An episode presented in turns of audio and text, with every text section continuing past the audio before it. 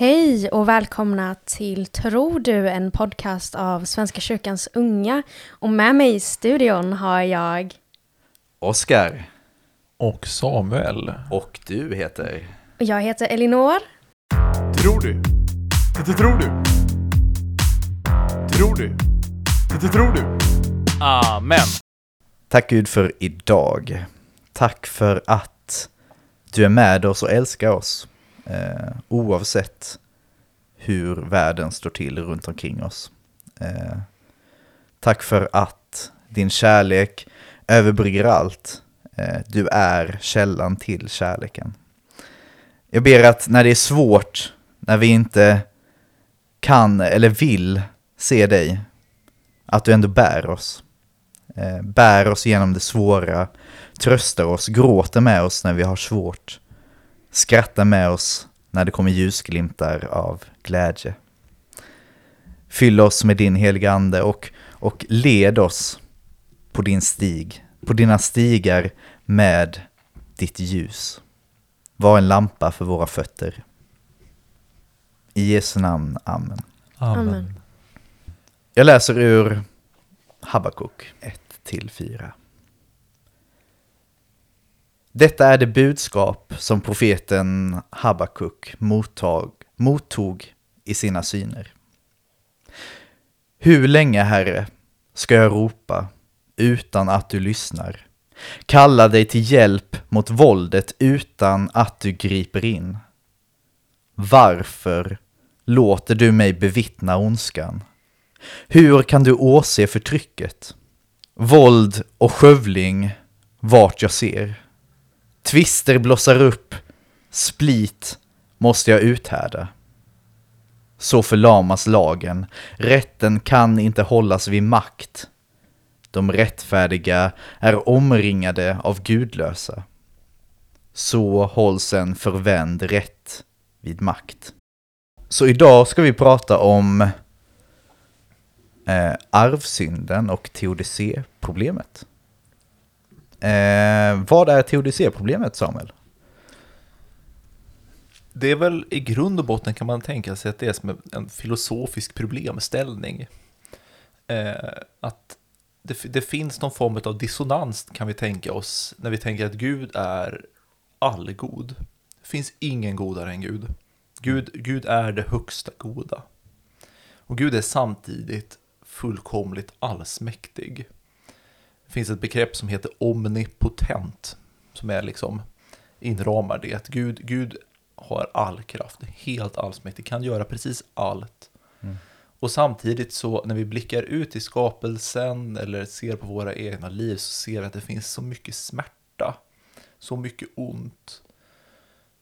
Och då är liksom teodicéproblemet problemställningar om hur, hur kan det här hänga ihop egentligen? Hur kan Gud som är allgod och samtidigt kan lösa allting tillåta att så mycket ont sker? Ja. Det är ju en eh, väldigt, eh, ska man säga, ja, tung fråga tror jag för många. Och särskilt om man är en, eh, alltså runt konfirmationstiden kanske man bemöter den här, den här frågeställningen. Um, och det kanske tar ganska mycket tid innan man känner sig bekväm att kunna besvara den här och stå bakom sin tro och att det finns en gud som vill oss väl. Även om det härjar svält och krig i världen. Mm. Men det krävs nog någon form av liksom, vad ska man säga, en kristen mognadhet när man liksom försöker eh, ja, bearbeta den här frågan. Mm. Ja men verkligen, alltså. ehm, jag tänker, jag tänker liksom att, vad ska man säga? Nej men jag tänker att det är ju så ofta som man ändå, i alla fall jag ber liksom, ja men gud snälla, vad händer? Fixa någonting, fixa det här. Ehm, och, ehm, och hur, att, eh, jag tror vi har pratat om det i något avsnitt, att det är viktigt att man faktiskt får brottas med Gud och vara arg på Gud. Eh, och att det är viktigt. Eh, men att eh, den här, Nej men varför händer så mycket ont i världen liksom? Mm. Också kanske det, vad är, vad är anledningen till att vi inte har en perfekt värld Mm. om Gud är närvarande? Precis. Jag läser från eh, Mosebok, första Moseboken kapitel 3, vers 1 till 7. Ormen var listigast av alla vilda djur som Herren Gud hade skapat. Den frågade kvinnan, har Gud verkligen sagt att ni inte får äta något träd i trädgården? Kvinnan svarade, vi får äta frukt från träden, men om frukten från trädet mitt i trädgården har Gud sagt, ät den inte och rör den inte. Gör ni det kommer ni att dö. Ormen sade, ni kommer visst inte att dö. Men Gud vet att den dag ni äter av frukten öppnas era ögon och ni blir som gudar med kunskap om gott och ont. Kvinnan såg att trädet var gott att äta av. Det var en fröjd för ögat och ett härligt träd eftersom det skänkte vishet. Hon tog av frukten och åt. Hon gav också till sin man som var med henne och han åt. Då öppnades deras ögon och de såg att de var nakna och fäste ihop fikonlön och band dem kring höfterna. Mm. Tänker den här texten också relatera till det vi nyss pratade om lite grann. Det här med vart, vart lägger vi liksom ansvaret egentligen på allt det onda som sker i skapelsen. Det är väldigt lätt och tacksamt att skylla ifrån sig på Gud som är allgod och allsmäktig så, men jag tänker det här med att människan har ganska mycket eget ansvar Mm. i mångt och mycket. Att nästan allt ont som sker i världen är på något vis vårt fel. Nästan alltid. Och, och, när, och ibland så brukar man då ställa, ställa tillbaka frågan, så, ja men de här grejerna som inte är orsakade av människor, då, naturkatastrofer eller sjukdomar och grejer. Jag tänker det är också då spännande liksom, om man, bara, om man liksom bara hänvisar till liksom ren ekonomisk statistik, ta cancer som exempel. Om man la lika mycket pengar på cancerforskning som man la på krigsmaterial i USA, skulle det liksom inte vara ett problem längre. Mm. Många gånger så är liksom allt det onda som sker i världen kan nästan vara som en prioriteringsfråga för oss människor också.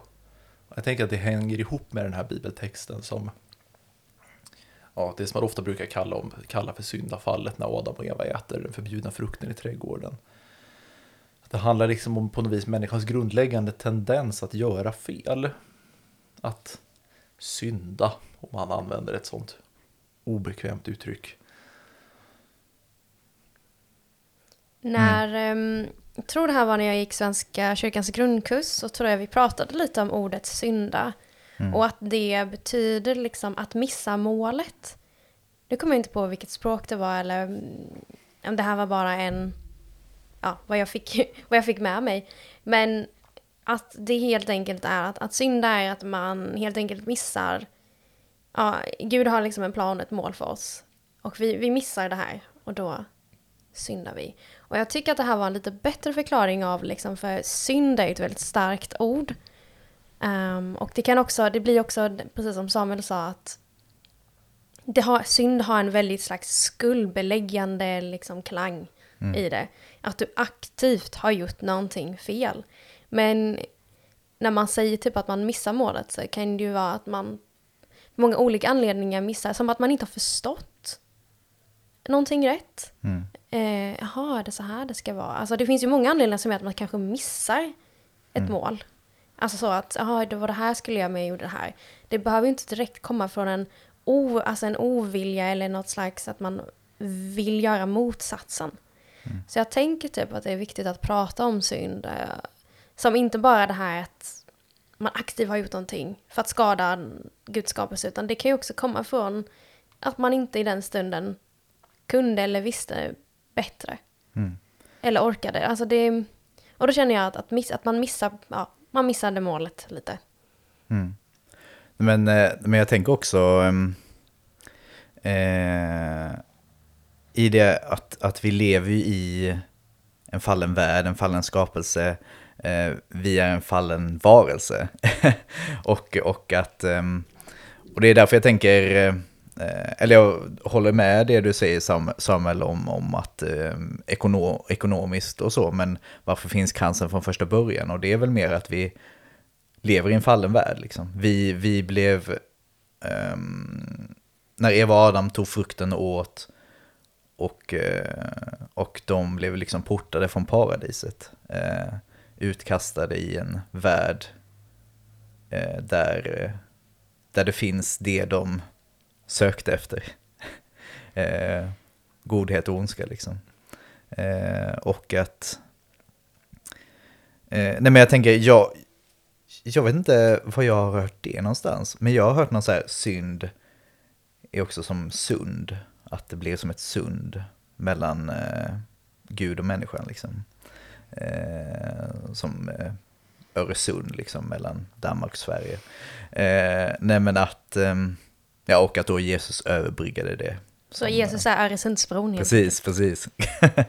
eh, nej men att, eh, och jag tänker det så, eh, och eftersom vi är en fallen skapelse i en fallen värld så, så kommer vi fela eh, och göra fel, prioritera fel, eh, tänka att ja, det här är det som är bra för mig och egentligen är det inte alls det. Jag tror, jag tror också, jag brukar definiera, när jag tänker på synd, så brukar jag definiera det över lite också i samma sätt som avgudar då. Eh, kan jag gå en vecka utan att dricka kaffe eller eh, måste jag dricka kaffe? Är det jag som styr kaffet eller styr kaffet mig? Eh, vad är min prioritet? Ehm, och eh, det är hos Gud jag ska hinna, hitta den prioriteten. Liksom. Mm. Jag tänker ju spontant på två kompisar till mig, Agge och Abbe. Mm. Eller Augustinus och Ambrosius. Augustinus när han levde, det är en sån här kyrkofader som levde på 300-400-talet. Han hade jättestora problem med det här med ondskan och synden och ja, allt som var liksom jobbigt. Så det var det som var hans stora hu- huvudbry på något vis under sin, sin stor, stor del av sitt liv. Och han kom ju till slut när han började liksom försöka liksom fatta, fatta grejen så, så bör, kommer han liksom i kontakt med Ambrosius och de börjar snacka om det här. Och de kommer in på det här med liknande avgudatanken. Eh, att man kan tänka, och det har ju också det här med att missa målet att göra verkligen. De, de tänkte sig det här med att Gud är, ska använda en liknelse, att guden är som solen på något vis. Det är liksom riktningen uppåt så. Och människan är skapad för att vara i enhet med Gud. Alltså att människan är skapad för att vara riktad mot solen. Och då på det sättet vara ett med solen, med Gud. Gud är inte solen vill jag vara väldigt tydlig med. Men i liknelsen så är det lätt att jobba med. Liksom att vi har ljuset så att vara vända mot. Och då finns det inget, inget sund emellan. Men att det som berättas om i, i den här syndafallsberättelsen till exempel ha- handlar liksom om hur inte bara hur, hur människan utan hela skapelsen väljer, väljer frukten. Och då är det som att man vänder sig bort från solen och tittar åt andra hållet istället. Man, väljer, man, man byter riktning och tittar neråt mot mörkret. Och att vi på något vis kan då identifiera, och, och då menar ju till slut den här Augustinus att egentligen så finns det ingenting som är ont i sig. Utan, onst, utan det finns bara Gud. Det är det enda som har en egen, egen existens. Och att ondskan uppstår när vi inte är vända mot det goda. Mm. Det är då det uppstår. Och då, och då blir det verkligen som med kaffet till exempel, med avgudadyrkan. Att, jag, nu har inte jag liksom ett kaffeproblem på det sättet, men, men, jag skulle, men jag har det när jag jobbar på konfirmandläger däremot. Så då uppstår absolut en, en avgudadyrkan mot kaffet. Det Kom, det börjar som en nödvändighet och sen är man liksom fast i beroendet. Men, men då är det det här med att pri- prioriteringarna, då är det bortvändheten från Gud. Mm. Och jag tycker många gånger det här med att missa målet, översättningen är väldigt tacksam och bra. För jag tycker just att det relaterar så starkt till det här med bortvändhet. Att vara vänd åt andra hållet. Mm. Och att, och, att det, och att det är inte bara människan som är vänd åt fel håll, utan hela skapelsen är vänd åt andra hållet. Mm. Och det är där som upprättelse kommer så mycket in.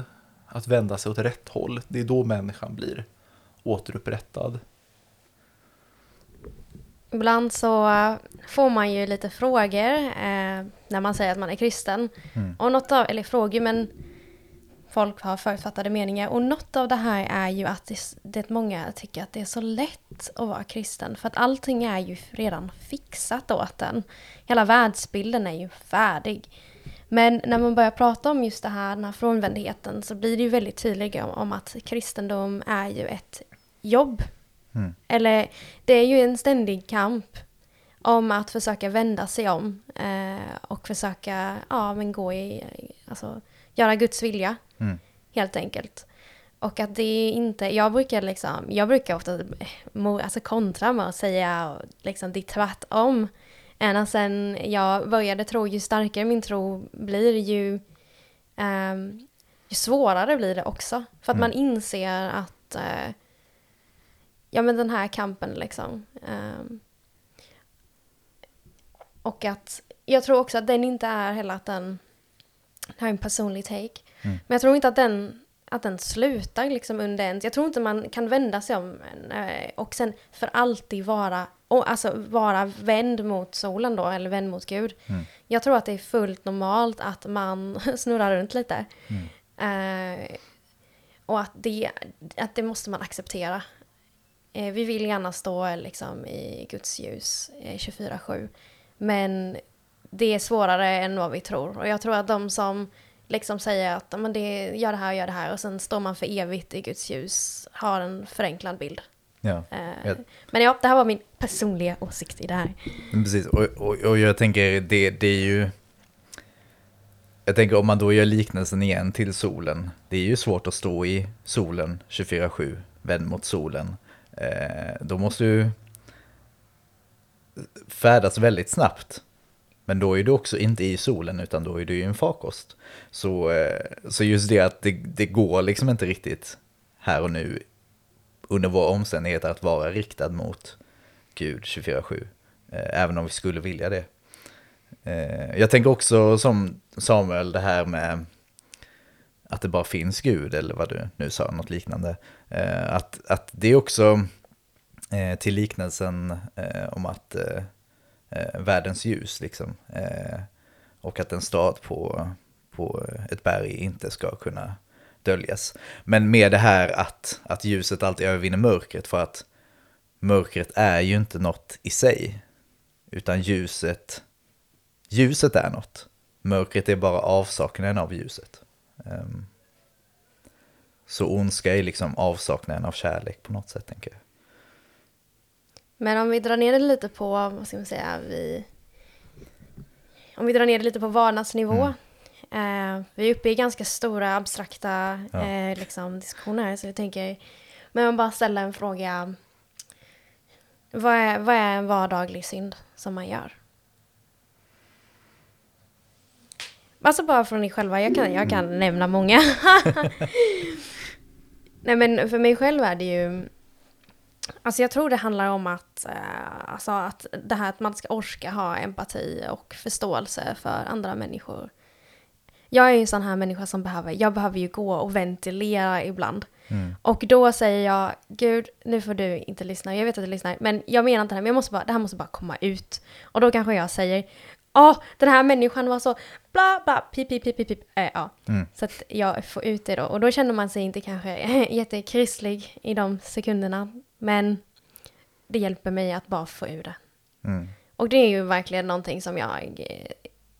Alltså jag känner att jag måste bara få ut lite ord. Eh, Det kan hända liksom veckvis. Och då... Nej, men Ja. precis. Ja, men ja. Och jag det är tänker inte så bra. Kanske att man säger... Nej men jag tänker det är ju så mycket liksom. Eh, om jag tänker på mig själv, eh, jag ligger upp för länge, kollar serier, jag, eh, jag vaknar för sent, ligger och bara, äh, jag vill inte gå upp. Eh, jag, eh, vad ska man ta mer? Eh, men jag kanske kollar mig för mycket i spegeln. Eh, jag kanske tänker för mycket vad andra tänker om mig. Jag kanske själv tänker för mycket om andra. Som du Elinor, liksom. Och att, att nej men det är väldigt mycket när man väl liksom inspekterar sitt liv. Liksom. Eh, och att det är så mycket så att allt kan jag inte fixa liksom, eh, utan Gud. Eh, eller här på jorden då. Men, men, men det är som Paulus säger, liksom, att, att det jag inte vill göra, det gör jag. Och det jag vill göra, det gör jag inte. Det är så han säger va? Ja, tack. De nickar. vad tänker du Samuel? Nej, men jag håller helt med. Jag brukar många gånger så tänker jag på, när jag, när jag försöker göra min egen samvetsrannsakan på något vis om kvällen så brukar jag ofta tänka på, så tycker jag det många gånger är lätt att använda avgudadyrkan som ett slags, som en bra, som en bra spegel på något vis att se sig själv i.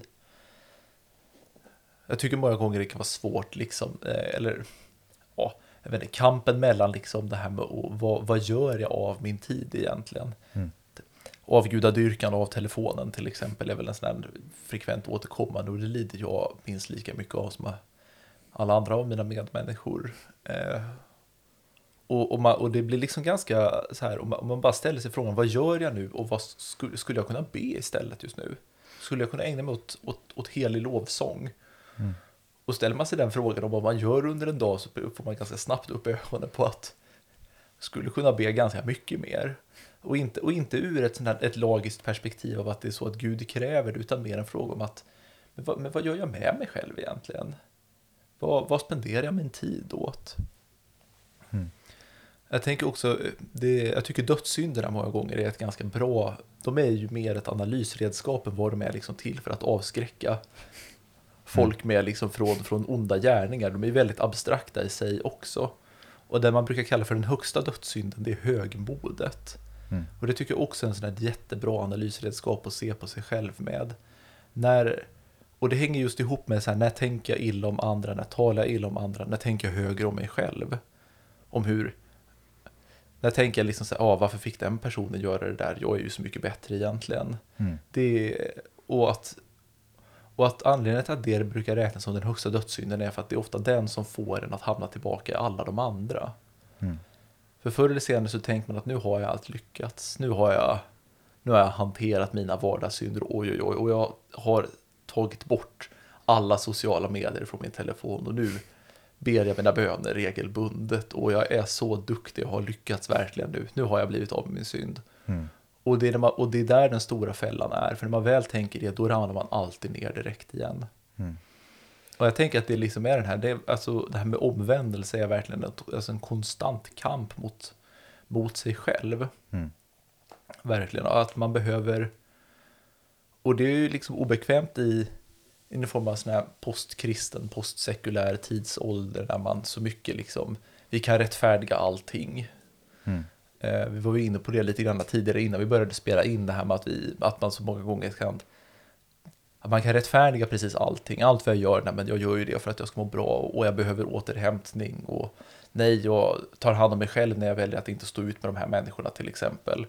Eh, och det är klart att det kan finnas sådana aspekter ibland också, men jag tror att det här rättfärdigandet, alltså självrättfärdigandet är kanske en av våra största problem i vår samtid också. Mm. När vi börjar helt plötsligt ja, ge oss själva på något vis rätten att göra ont. Mm. För att vi på något vis kan tänka ut en rationell anledning. Mm. Men jag tror att vi många gånger gör oss själva till våra avgudar då egentligen. Ja, verkligen. Känner att det är många som eh, kanske... För nu, nu är det ju, vi använder de liksom tabubelagda orden som eh, synd och ondska. Mm. Och det är ju kanske begrepp som man inte... Man har det typ en... Ett konfirmandspass kanske man pratar om det. Mm. Men det krävs ju ganska mycket mer för att kunna ja, alltså resonera och fundera och på något sätt komma till någon slags insikt om de här begreppen. Mm. Så jag eh, fattar kanske att eh, hade jag lyssnat på den här, den här podden eh, fem år sedan hade jag blivit helt så här ah, skuld och skam och synd. eh, jag hade blivit lite så här, wow, hur kan de vara så bekväma med liksom att Mm. eh, ja, men, ha den här insikten själv.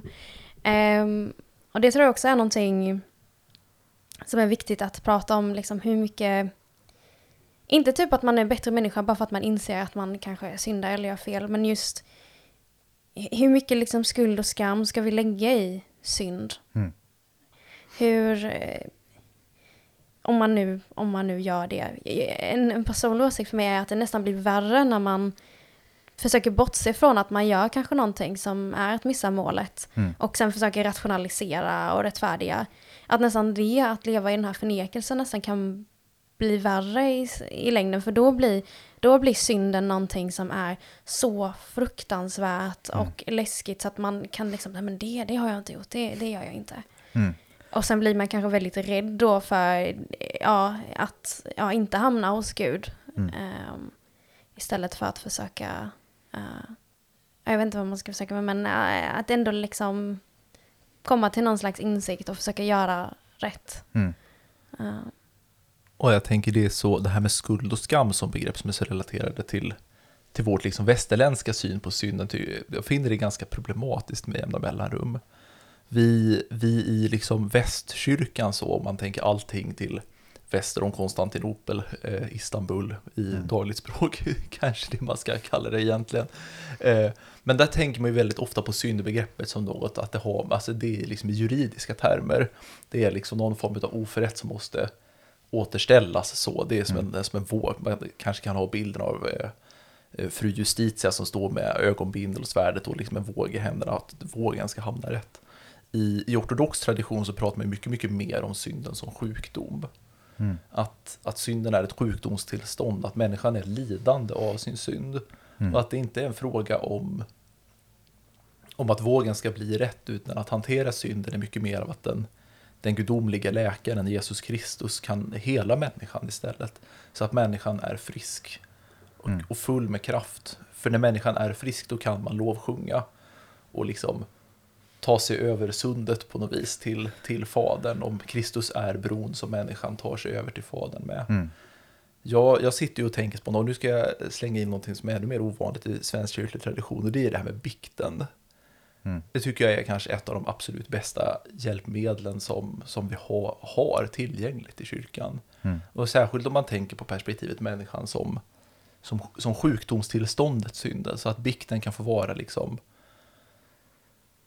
Ja, men om, om, min, om, om jag tänker mig som en del i Kristi kropp på något vis och min synd blir som en, som en varböld på kroppen.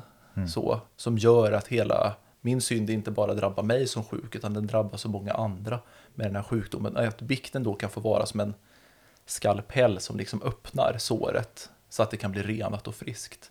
Mm. Eh, och att då liksom Kristus Jesus är den stora läkaren som har det här fantastiska verktyget, bikten, att kunna få inte bara få syn på sig själv i sina egna tankar utan man kan också då få hjälp av någon som är erfaren och kan hjälpa en och uppmuntra en att, att se och uppmuntra en till, till bot och bättring om man får vara så liksom tydlig verkligen. Mm.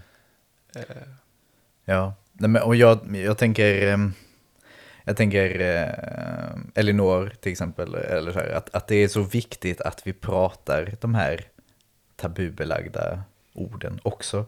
För att jag tänker, jag tror vi som kristna och som kyrka att, att vi gör, gör oss en väldigt otjänst om vi inte ser att det finns ondska i världen. För det obviously gör ju det. Jag menar det är krig, det är, det är massor med folk som mår dåligt och, och eh, andra saker liksom. Eh, det finns hur mycket som helst eh, som påverkar våra dagliga liv och, och eh, på olika sätt.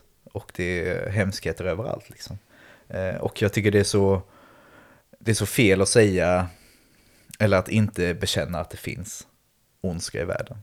Eh, det tycker jag är väldigt problematiskt. För vad händer då om jag inte tror att jag lever i en fallen värld och jag eh, har kanske massa eh, vad heter det, psykisk ohälsa och annan ohälsa. Eh, beror det bara på mig då? Nej, det kanske beror på att vi lever i en fallen värld där det finns hemskheter.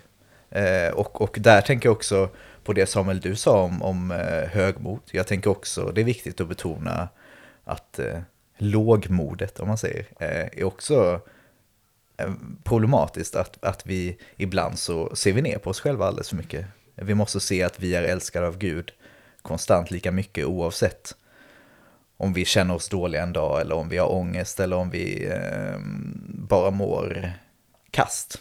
Eh, så finns Guds oändliga kärlek för oss oavsett. Och vi kan vila i det och känna oss stolta i det. Inte stolta över oss själva utan stolta över att, att Gud finns med oss. Eh, och eh, det var någon mer grej jag tänkte på eh, som försvann nu kanske. Eh, ja, det kommer nog tillbaka kanske. Ja. Jag tänker när vi pratar om det här så kanske det... Ja, men jag hoppas inte våra lyssnare tror att vi har världens pessimistiska syn på världen. Och jag tänker att det är bara för att man tar upp de här ämnena och pratar om att vi lever i en fallen värld betyder Mm. inte det att man har eh, liksom en pessimistisk syn. Mm. Jag tänker att det, det som gör att man överkommer liksom som kristen teodicéproblemet och arvsynden, eller de här stora eh, frågorna, är ju att man, det på något sätt blir ju ett val vad Mm. man vill se.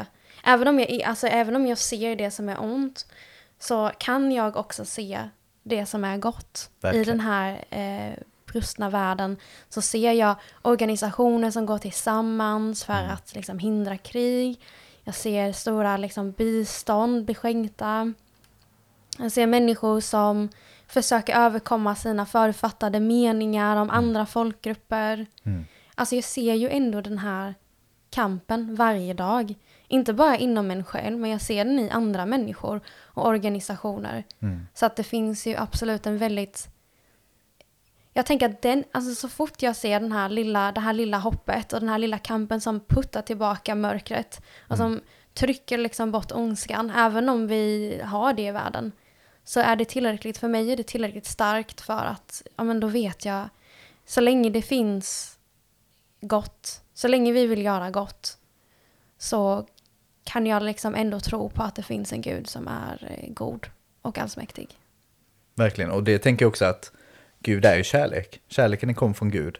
Eh, och, eh, och det finns inget ont i Gud.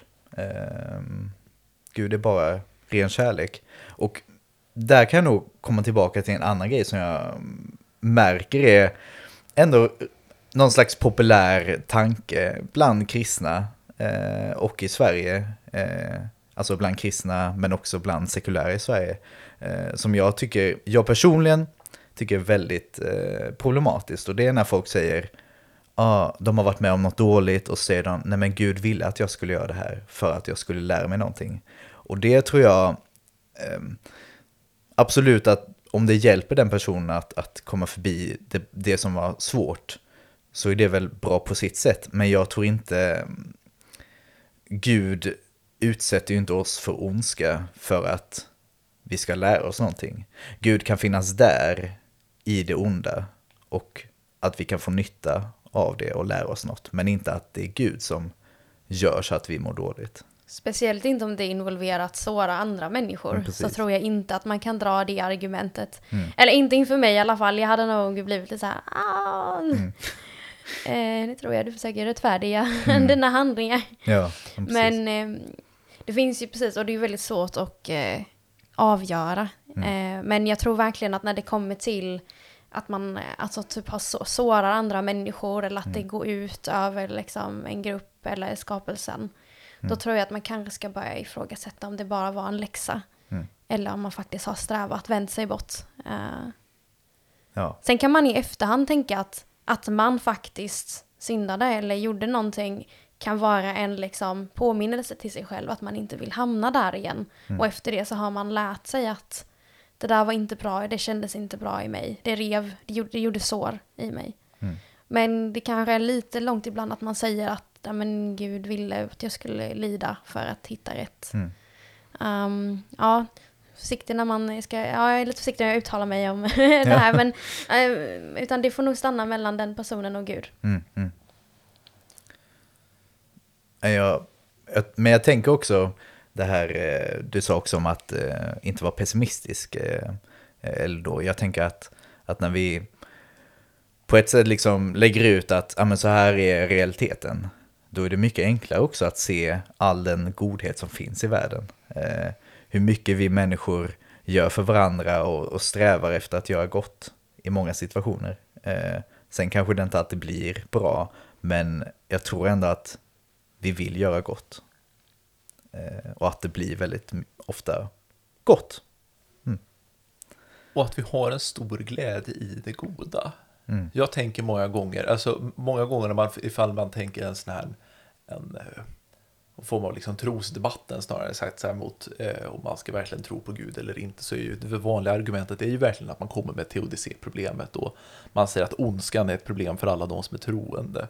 Men jag skulle säga att ondskan är det största problemet för de som inte är troende istället. För då är det så, det går liksom inte att ha, för om man då inte har det högsta goda att kunna fästa sig vid och man tar bort det ur sin världsbild då, finns det, då är det inte mycket godhet kvar i världen heller. Man kan se mycket gott. Och man kan se att sitt eget liv är gott också. Men vad är det jag står på för att mitt liv ska vara gott egentligen? Mm. Vad är det för, liksom, för hög av död och ondska som jag har klättrat upp på på något vis genom historiens vindslag som gör så att jag kan må, må bra egentligen.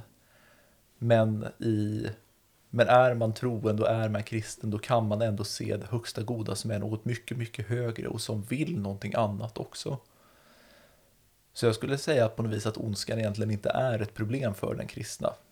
Eller jo, alltså såklart att man ska ta tag och liksom bot och bättring hörni, bot och bättring. Men, men, men just det att det är inte ett problem som man behöver bli förkrossad över heller, för det högsta goda finns alltid närvarande, finns alltid tillgängligt. Det går alltid att slänga sig i, i Kristi armar och omslutas av gudomlig kärlek.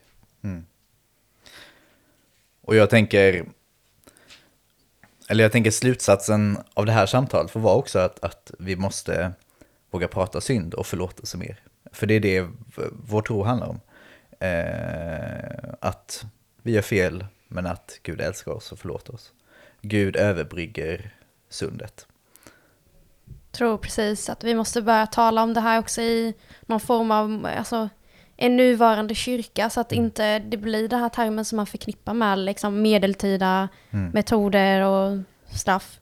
Utan att vi vågar tala om eh, ja, men synd och ondska ur ett liksom kyrka idag perspektiv utan att folk direkt blir skrämda. Mm. Utan vi måste liksom ta, ja, använda de termerna igen i vårat samhälle, i våran kontext. Mm. Ehm, för då tror jag att vi, ehm, ja, Verkligen. Jag tänker, eh, vi avslutar med att jag tänkte läsa ur Johannes 3, 16 och 17. Så älskade Gud världen, att han gav den sin enda son, för att de som tror på honom inte ska gå under, utan ha evigt liv. Ty Gud sände inte sin son till världen för att döma världen, utan för att världen skulle räddas genom honom. Tack för detta samtal hörni. Eh, och vi avslutar med att be. Och eh, vill Samuel leda oss i den bönen? Absolut. Ja, kom du vårt ljus och upplys vårt mörker. Kom du vårt liv och lös oss ur döden. Kom du vår läkare och hela våra sår. Kom du flamma av gudomlig kärlek och bränn bort våra synders törnen och rena oss med din kärlekseld. Kom du vår konung och intag din tron i våra hjärtan och bo i oss så att vi kan bli som du. Amen. Amen. Amen. Ha det fint hörni. Hej då.